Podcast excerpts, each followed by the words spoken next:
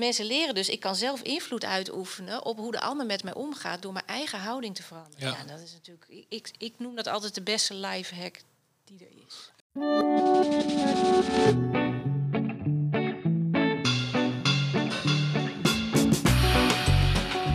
Gezellig dat je weer bent aangeschoven voor Getting Comfy With. De communicatiepodcast van Future Communication. Koffie met toonaangevende professionals om te praten over ons fantastische vak. Wat zijn uitdagingen, trends en better yet, tips? Ben je er klaar voor? Kan je al je werknemers in je organisatie assertiever maken? Is het een foefje dat je eenvoudig aanleert? Toen Hilde Oosterbrug ons een tijdje geleden een training gaf over dit onderwerp, dachten we: hey, dit is interessant. Misschien kunnen we haar strikken voor onze podcast. Nou, dat is gelukt. Vandaag spreek ik, Steven Smeenk, met Yildo over de psychologie van het aardig gevonden worden en hoe je in een organisatie een situatie creëert waarin het veilig is. Een gesprek met energie. Maar oordeel vooral zelf.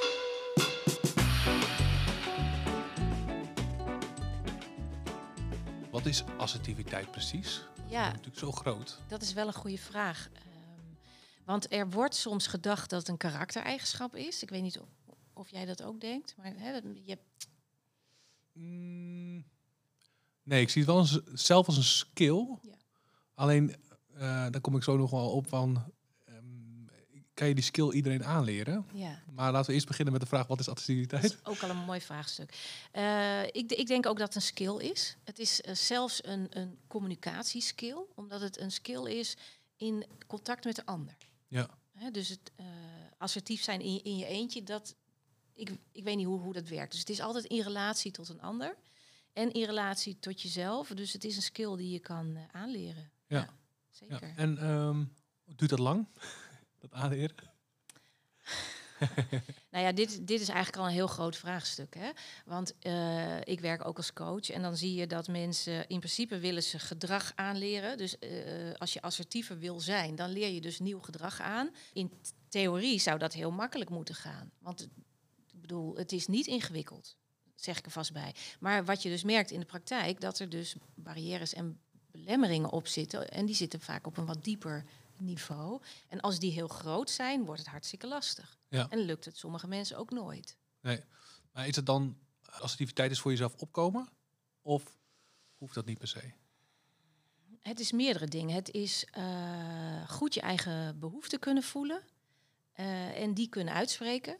Het is ook gewoon nee zeggen. Het is feedback geven. Het is feedback ontvangen. Ja. Het is eh, je eigen gedachten uitspreken. Eh, maar de, de kunst is dat het allemaal op, op, op respectvolle wijze gaat. Dus op re- re- respectvol voor jezelf en voor, voor de ander. Ja. Ja. Want anders wordt het agressief. Als ik zeg maar ga zeggen, ik wil het gewoon zo. Ik wil gewoon nog, nog een koffie, kan je me brengen? Dat is agressief. Ja. Want dan ben ik niet afgestemd op de ander. Ja. Dus dat is een... een En, en, eh, we zitten gelijk in het negatieve aspecten, eh, aspecten, want het is voor mij ook een beetje wat het uitlokt. Maar het is natuurlijk fantastisch ook om mensen te zien groeien, kan ik me voorstellen. Eh, hoe ervaar jij dat?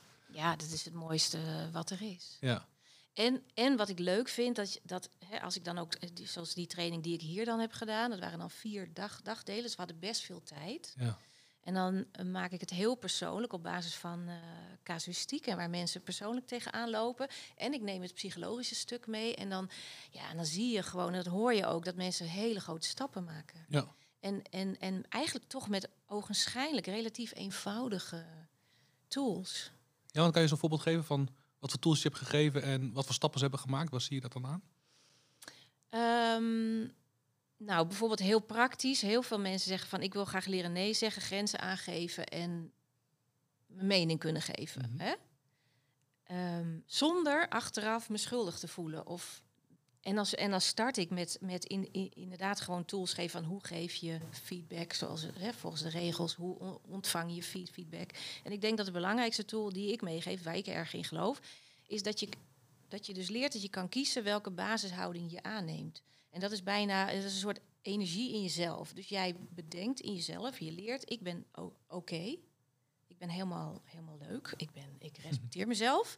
Dat is een mindset. En dat moet je aanleren. Want wij denken heel vaak dat we niet goed genoeg zijn. eh, dus, dus daaraan werken van ik ben dus helemaal oké, los van het gedrag wat ik eh, ver- vertoon. Dus dat is een besluit. En die ander is ook helemaal oké. En die ander respecteer ik ook. Dus dat is een soort basishouding, is bijna boeddhistisch, zeg ik Ja. wel eens. Ja. Heel, heel ehm, re- respectvol en heel, heel vriendelijk. En van daaruit kan je dan die tools inzetten. Maar als jij die basishouding niet goed pakt en je gaat zeg maar in de, in de top-dog pose- positie zitten, je maakt jezelf groter uit zelfbescherming, of je maakt jezelf kleiner, je gaat in de underdog, dan krijg je allemaal ongewenste bijeffecten. Ja. En echt assertief is heel schoon, heel respectvol vanuit die basishouding. Ja. Nou, en de- daar eh, geloof ik dan ook echt in. En dan maken mensen hele grote stappen. Dan zie je echt van, "Ah, had ik dit maar eerder geweten? Want je kan gewoon kiezen welke basishouding je pakt. Ja. En we zijn natuurlijk psychologisch, zijn wij gesocialiseerd vanuit onze opvoeding. En dan hebben we vaak een voorkeursbasishouding en die is niet altijd helpend. Dus mensen die ass- assertiviteit willen leren, zijn vaak een beetje subassertief. Hè? Hoe bedoel je dat? Ja, dat is, eh, dat is zeg maar dat je, dat je snel geneigd bent de underdog te pakken. Oké. En dat doen mensen vaak onbewust, maar de ander voelt het gelijk. Ja. Dus als die ander van jou voelt dat, dat jij de underdog onbewust pakt, dan gaat die in de topdog. Dus dan zeg ik altijd, ja, dan vreet je gewoon op. Dus dat mensen, mensen leren dus, ik kan zelf invloed uitoefenen op hoe de ander met mij omgaat door mijn eigen houding te veranderen. Ja. Ja, dat is natuurlijk, ik- ik, ik noem dat altijd de beste life hack die er is. En, eh, dan, maar dat werkt ook eh, vice versa. Dus als iemand dan denkt, ik ga nu mega topdog zitten zijn, Ja. dan dat wil je eigenlijk ook voorkomen dan, toch? Ja, Dat bedoel je dan met dat schone en zuivere ja, houding. ja. En zit er dan in de woorden of de manier of hoe je staat? Het zit hem in de, e- ja, het zit hem in de energie. En dat klinkt natuurlijk heel zweverig. Het zit hem in de bejegening van jezelf en ander. Dus hoe ga ik met mezelf om? Ik besluit, ik ben oké, dus ik blijf neutraal in het hier en nu. En ik besluit ook dat de ander oké is, ongeacht dat hij raar doet of agressief. Of... Ja. Dus het is, het, is, het, is, het is een bewuste keuze. Ja, Ah, interessant. en daar heb je dus invloed op. En dan ga ja, dat. eh, Dat is wel super persoonlijk als je vergelijkt met eh, andere bijvoorbeeld trainingen, zakelijke training, adviestraining, noem maar even iets. dus het eh, komt wel heel dichtbij. Ja, nou, maar dat is ook een beetje mijn stijl. Ik zeg wel eens, ik maak het stiekem altijd super persoonlijk. Oké. Omdat ik geloof dat daar de winst is. Eh, en dat is ook een beetje mijn beroepsdeformatie als coach. Want dan mag je natuurlijk heel dicht bij mensen komen. Ja. En in trainingen eh, doe ik daar maar een fractie van. Maar dat is denk ik relatief, ja, misschien wel meer dan eh, gangbaar. Ja. Ja. Mooi. Mooi. Ja. Wat zijn de top vijf vragen van mensen die, die binnenkomen en denken van ik wil graag hier naar werk? Je gaf, gaf al een beetje aan, hè? Ik wil graag nee zeggen. Op een grens durven aan te geven. Zijn dat ook, hoort dat bij die top vijf? ja, absoluut. Ja. wat, wat zijn die andere er zijn? Ehm, nou ja, echt ook een belangrijk is het durven zeggen of zeg maar eh, mijn mening geven zonder de ander te kwetsen. Of mijn eh, of feedback kunnen geven eh, of kunnen begrenzen zonder dat ik achteraf een rotgevoel heb. Die, die krijg ik er ook vaak bij. Dus Ja. ehm, nou, dat zijn de belangrijkste dingen. En dat laatste vind ik wel interessant. Want Ja, dan ben je dus trots. Ik heb nee gezegd, maar dan heb ik, hou ik er dan een naar gevoel aan over. ja, ja, dat hoor je heel veel. Oh ja. Eh, Kan je dat uitleggen? Want dat heb ik zelf niet zo heel erg. Oh, fijn. Ja, dus ik vind het wel interessant. Van, eh, waar, waar komt dat vandaan en hoe los je dat dan op? Ja, dat is wel een. eh, dat is dus ook gelijk het zware stuk. Oké. Ehm, nou, dan moet ik iets, iets psychologische context geven. Dus ehm, mensen die zeg maar het lastig vinden om nee te zeggen of om te begrenzen, die zijn dus vaak geneigd om de, eh, zeg maar de behoefte van de ander voor te laten gaan. Dus die, die, die- dat, dat zou je ook een pleaser kunnen noemen. Die zijn geneigd om de ander een plezier te willen doen. Dus dan zeggen ze ja, tuurlijk doe ik dat. Hè. Dan nemen ze steeds meer op zich. En dan, eh, dan krijgen ze dus te, te hoge werkdruk. Dan komen ze bij zo'n training terecht. Dan moeten ze grenzen gaan aangeven. Maar de, de, de, ja, hoe zeg je dat? De neiging om de ander voor te laten gaan zit vaak heel diep geworteld. Dus dat, is, dat komt voort uit een aangeleerd mechanisme, vaak van, u- uit de jeugd zelfs. Hmm. En eh, dat heeft eigenlijk twee drijfveren. De ene drijfveer is, ik wil conflicten voorkomen. En de andere drijfveer is, ik wil dat mensen me aardig vinden. Hè, dus je probeert afwijzing te voorkomen en je probeert erkenning te krijgen. Dus dat is eigenlijk een eh, behoefte nog uit, uit, uit, ja, uit de kindertijd vaak. En die strategie die ze dan inzetten om dat te krijgen, is de ander een plezier doen. De ander voor laten gaan. Want dan krijg ik geen conflict en dan vinden ze me aardig. Dus dat is een beetje de onbewuste gedachte erachter.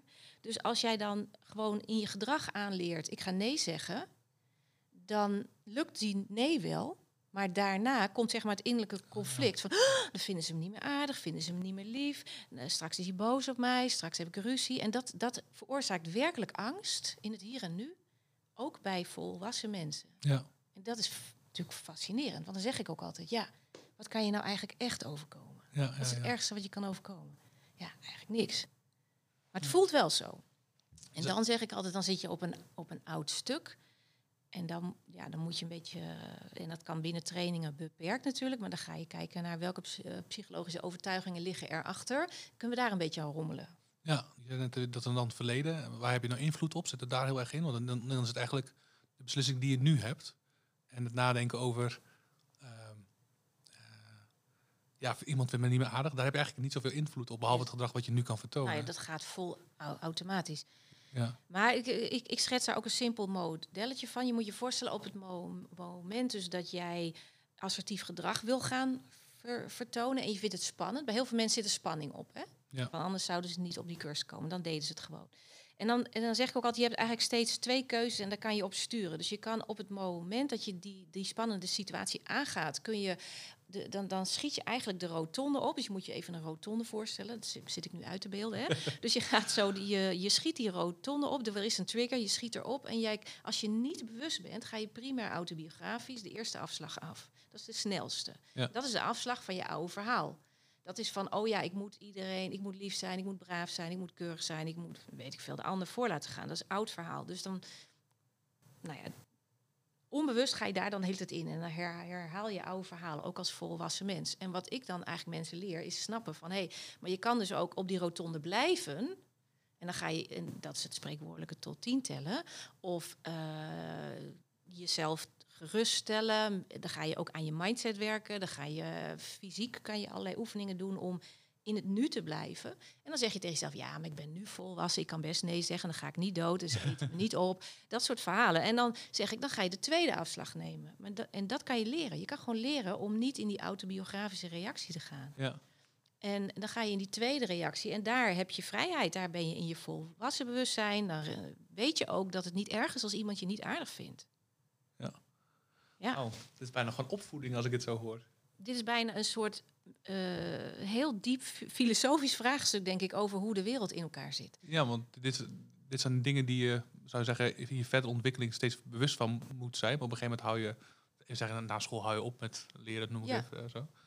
Het is wel interessant dat je echt denkt, hé, hey, dit is nog de volgende stap van volwassenheid of zo. Ja, ik, mijn hele werk gaat over mensen leren om die oude patronen los te laten. Ja, En ik noem het ook wel eens zelfbevrijding. nou, wat mooi. ja, want dat, dat je gewoon kan kiezen, wat doe ik? In plaats van je automatisch laten leiden door patronen. Hoe belangrijk is eh, taal, eh, dus communicatie in combinatie met assertiviteit? Wat leer je mensen af vaak of wat leer je mensen juist aan om te gebruiken? Ja, ik denk dat taal cruciaal is. En, en, want taal is namelijk. Het, het, het, begint dus bij die respectvolle basispositie. En van daaruit wil je dus taal hebben. Hè? En wat ik dus mensen afleer is. eh, bijvoorbeeld eh, zich, zichzelf verdedigen of in de verdediging schieten. Ehm, en ik leer, als, als we het dan over feedback hebben, leer ik mensen echt af om te zeggen: jij doet altijd en nooit dit en dit en dit. Hè? Of, ehm, nou ja, dat, dat, dat eh, werkt gewoon voor geen meter. En wat, je dan leer, wat ik wel leer is van, eh, gebruik een ik-boodschap. Dus zeg van, ik zie dit en dit en dit en ik heb hier last van en ik zou het fijn vinden als we het daarover kunnen hebben. Want dan haal je de agressie uit de boodschap. En als jij zegt, jij doet altijd en nooit, hè, dan, dan is het eigenlijk gelijk al een aanval. Ja, ja. Dus, dus, en en dat, dat, dat is een hele dunne lijn. Ehm, en een ander voorbeeld is eh, nee zeggen bijvoorbeeld. Eh, als mensen gaan oefenen met assertiviteit, worden ze soms over-assertief. En dan, dan vraagt iemand, goh, zou jij voor mij deze notulen willen maken? En dan zeggen ze nee. Oké. Ja, dat is een beetje eh, bot. Ja. Hè? Dus dan, dan, dan heb je ook... En dat zijn dan letterlijk zinnetjes die ik geef. Van, hè, je kan ook zeggen, oké, leuk dat je me vraagt. Eh, ik heb alleen op dit moment een vrij volle agenda. Ik ga even kijken of ik er tijd voor heb. En ik kom om precies twee uur bij jou daarop terug. Oh ja. Dat noem ik tijd kopen. Ja. En, dan het, en het belangrijke van tijd kopen is dat je dus... eh, je- geeft eigenlijk terug wat je hoort. En vervolgens zeg je hoe jouw situatie is. En vervolgens geef je ook een belofte hoe laat je je terugkoppelt. Want als je dat dus niet doet, laat je ook iemand in het bos zitten. Ja. Want die weet dan niet hè, eh, wanneer je terugkomt. Dus een, een, een verkeerde reactie zou ook zijn... ja, ik heb het vreselijk druk. Pff, met je ogen draaien. Eh, ik kijk wel even hoor. Nou, en die ander druipt af en die weet niet waar die aan Nee, toe precies. is. Hè, dus dan heb je een verstoring op de relatie. En dat is dus per definitie niet assertief. Want assertief is altijd met oog voor de relatie. En dat tijdkopen is ook een mooi moment om niet overdonderd te raken en misschien nog even erover na te kunnen denken of zo. Ja, en zeker voor mensen die de neiging hebben om te pleasen, is dat echt de gouden tip. Ah, oké. Altijd tijd kopen. Al- Altijd tijd kopen, ja. Ja, als je de neiging hebt altijd ja te zeggen, moet je nu altijd tijd kopen. Ja. En ook in een vergadering. Letterlijk zeggen, daar geef ik nu geen antwoord op, maar ik kom erop terug. ja. Ja, dat- fijn dat het, dat klinkt heel concreet. Dat Ja, is heel toch? prettig. Ja, dat is Ja. inderdaad, ja. Ja. Grappig. Ik moet zelf een beetje denken aan de feedbacktraining die ik ooit zelf heb gegeven. En, dat en ik vond het altijd heel lastig om ehm, het vanuit die getrukte manier dat mensen het dan eigen gaan maken of zo. ja. Hoe, hoe, hoe, doe jij dat? Ja, want mensen zeggen dan ook, oh, nu, nu leer, leer ik een trucje aan. En, Ja. dat, en dat ook dan als ze dan in, zeg maar op de werkvloer dat trucje toepassen, dan hebben anderen het ook door, hè, dat het een trucje is. Ja, toch? ja, ja, ja. Ja, dus ehm, ik zeg dan eigenlijk twee dingen. Van ja, het, eh, je bent in, in eerste instantie heel bewust onbekwaam. Dus je, kan, je weet dat je niet kan. En op een gegeven moment ben je heel bewust be- bekwaam. En dan klinkt het een beetje ingestudeerd, zo'n ik-boodschap. Hè? Ik zie dat je eh, op een bepaalde manier naar mij kijkt. Ik krijg daar een naar gevoel van. Zou je anders willen kijken? Nou, je hebt zo'n loopje. En dat klinkt Ja. dan heel ingestudeerd. En dan zeg ik altijd tegen mensen van... leer het nou wel zo aan, omdat je daardoor eh, objectief leert kijken. En je leert dus aan hoe je objectief kan verwoorden waar je, van welk gedrag je last hebt van de ander. Dus dat moet je aanleren. Ik zeg, en vervolgens ga je ook, kan je het ook weer loslaten en gewoon weer nadenken, hoe zou ik dat gewoon zeggen aan de keukentafel tegen mijn zoon of tegen mijn man. Dus dat je ook weer een beetje die, dat schoolse eraf haalt. Ja. En dan geef ik ook altijd een voorbeeld om het dan concreet te maken, anders is het heel vaag, dit verhaal.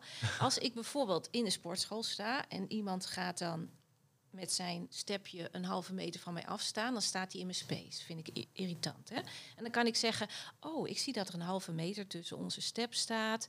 Ehm, ik krijg het daardoor een beetje benauwd. Ik zou het fijn vinden als je een beetje opschuift. Het is natuurlijk een vrij ongepast, vind ik, een beetje te zwaar in de setting. ja. Dus dan zeg ik van ja, ja, dan geef ik altijd als eh, voorbeeld zeg ik van nou, ik sta daar in die sportschool. En dan zeg ik gewoon, eh, nou, ik en mijn ego hebben heel veel ruimte nodig. Je bent iets te dichtbij, zou je een stukje willen opschuiven. En, en dus dan zeg ik, humor werkt dan ook. ja. En dan hou ik het bij mezelf. Ik maak mezelf een beetje belachelijk. Ik en, eh, hè? Ja. Maar daardoor hou ik het luchtig en dat is in deze setting passend. ja, mooi. Dus dat is ook een beetje zoeken. Ja. Ja. dat is een goed voorbeeld. Er zijn meerdere wegen naar Rome om dit te, natuurlijk op die manier te doen. Ja, maar, maar als mensen dan inderdaad zeggen, ja, maar die techniek, eh, dat eh, klinkt zo school, zeg ik, ja, maar leer het nou wel aan. En dan kan Ja. je wel afwijken, maar dan heb je de basisgedachte. Ja. Ja. Hoe zorg je ervoor dat zo'n training het grootste effect heeft? ja, kijk, als je echt effect wil van de training op lange ter termijn, dan moet ook de context bijdragen hè, aan wat mensen geleerd hebben. Je kan dus mensen wel leren om, om een nieuw ge- ge- gedrag te vertonen, maar als de organisatie zelf eh, daar niet in meegaat, bijvoorbeeld als, eh, en, en het mooiste voorbeeld is als de mensen die zeg maar, of de eigenaren, directeur-eigenaren, als die niet in, vanuit die, datzelfde perspectief communiceren, Ja, dan is het ook best wel een verloren race eigenlijk. oké. Om, en, dat, en dat gaat, en dat is, het simpelste voorbeeld is, eh, eigenlijk zijn de mensen die eh, leiding geven aan ons, zijn eigenlijk onze ouders.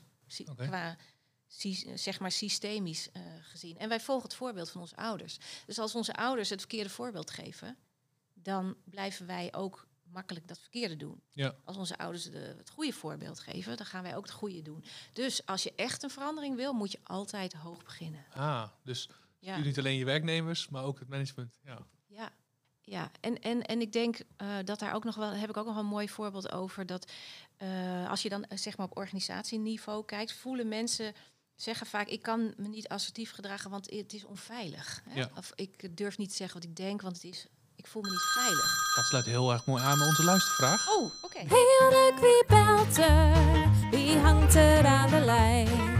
moet toch wel een communicatieadviseur zijn of een procesregisseur, directeur, in ieder geval luisteren. Wat wil je vragen? Hij heeft toch hopelijk niets te klagen? Nou ja, laat hem in ieder geval iets zeggen voordat de gast verdwijnt. Pa.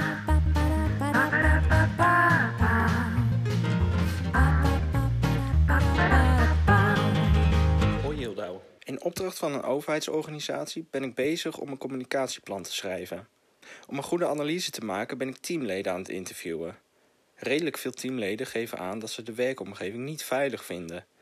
Zo durven ze geen fouten te maken omdat het direct wordt afgestraft. Stel, ik schakel jou in voor deze opdracht. Hoe zou jij deze klus aanpakken?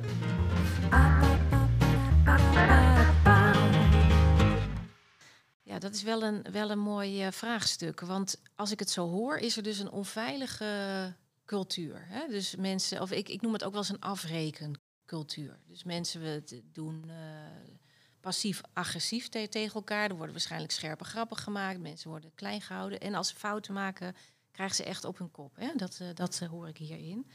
En dan is het denk ik belangrijk om eerst met dat team aan de slag te gaan. En, het, en dan kom je gelijk op een heel ingewikkeld stuk.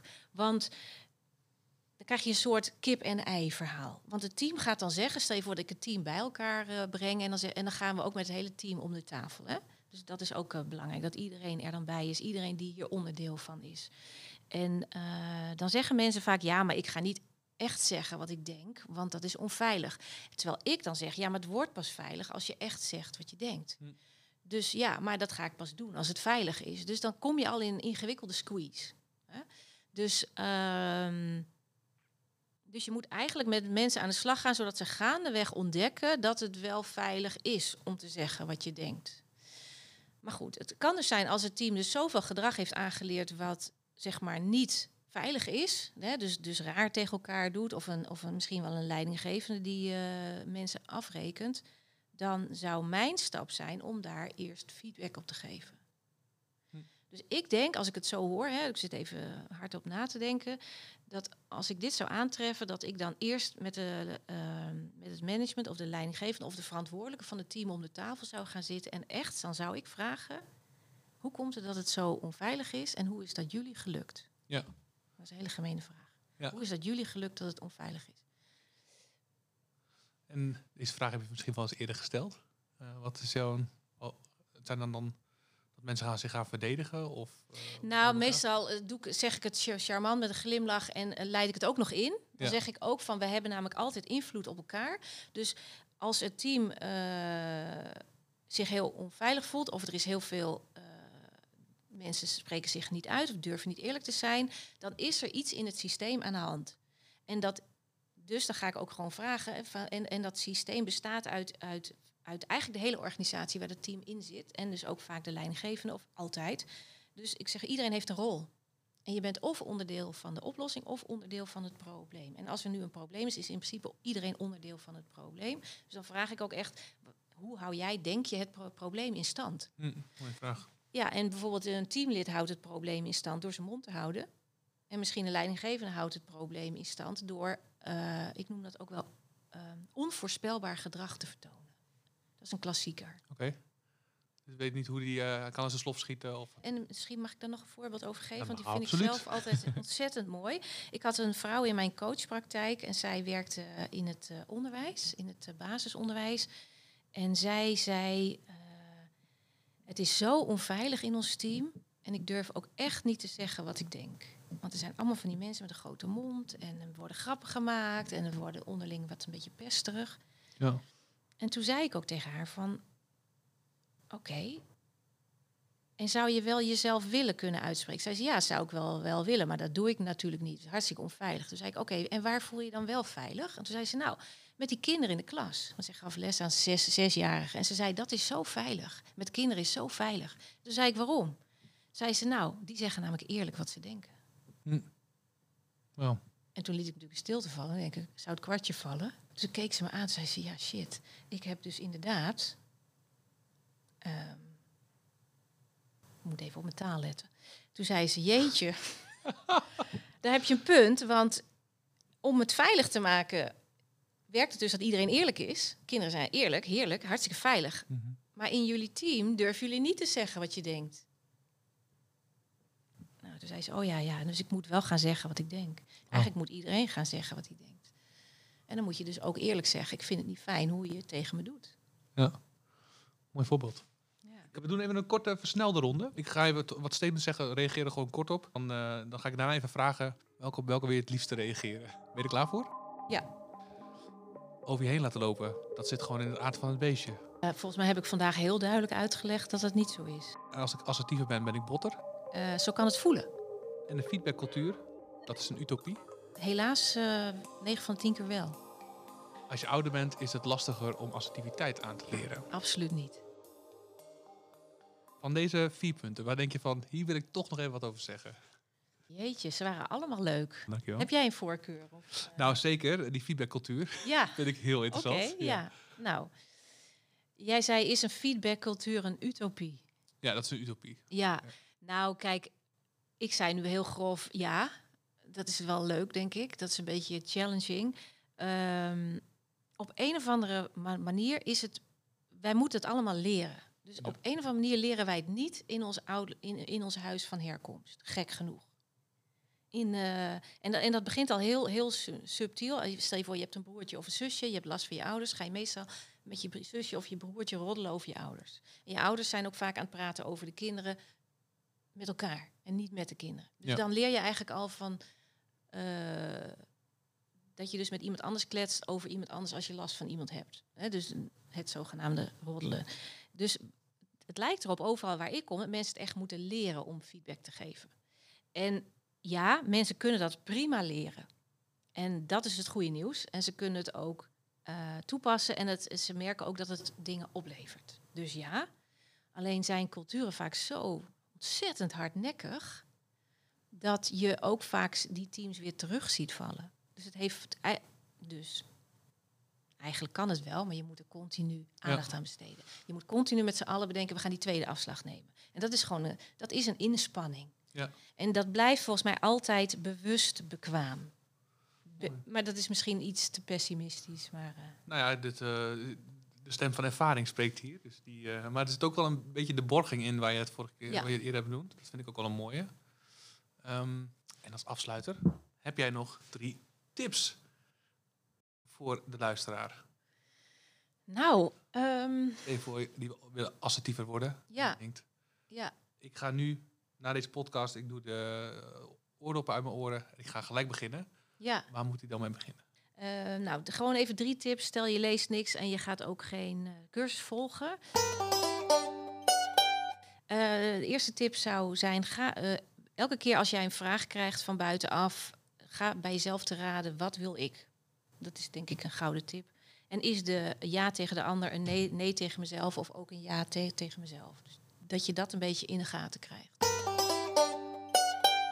En een volgende tip is: leer echt de stappen van feedback eh, heel schools uit je hoofd. Ja, het is een beetje flauw, maar eh, gewoon doen. En, en, en, dat, en dat, dat, er is een boek en dat heet Voel de angst en doe het toch. En dat geldt hier eigenlijk ook voor. Dat je dus, ja, als jij een nieuw gedrag gaat vertonen, is dat eng, is dat raar? Klopt, maar je moet er gewoon dwars doorheen. Want elke keer als jij dat nieuwe gedrag vertoont, leert je lichaam dat het je niet doodgaat, dat het niet eng is. en dan gaat de volgende keer makkelijker. Want je kan alles in je hoofd verzinnen, maar je moet het doen om het in te slijpen. Hm. Dus ja, doen, doen, doen, doen. Leuk. Ja, ik heb eh, honden to- een topdog positie gehoord. Ik heb tijgers die niet aanvallen en we gaan niet dood. Ja, Mag ik je bedanken voor een fantastisch gesprek. heel graag gedaan. Mooi. Dankjewel. Was heel leuk.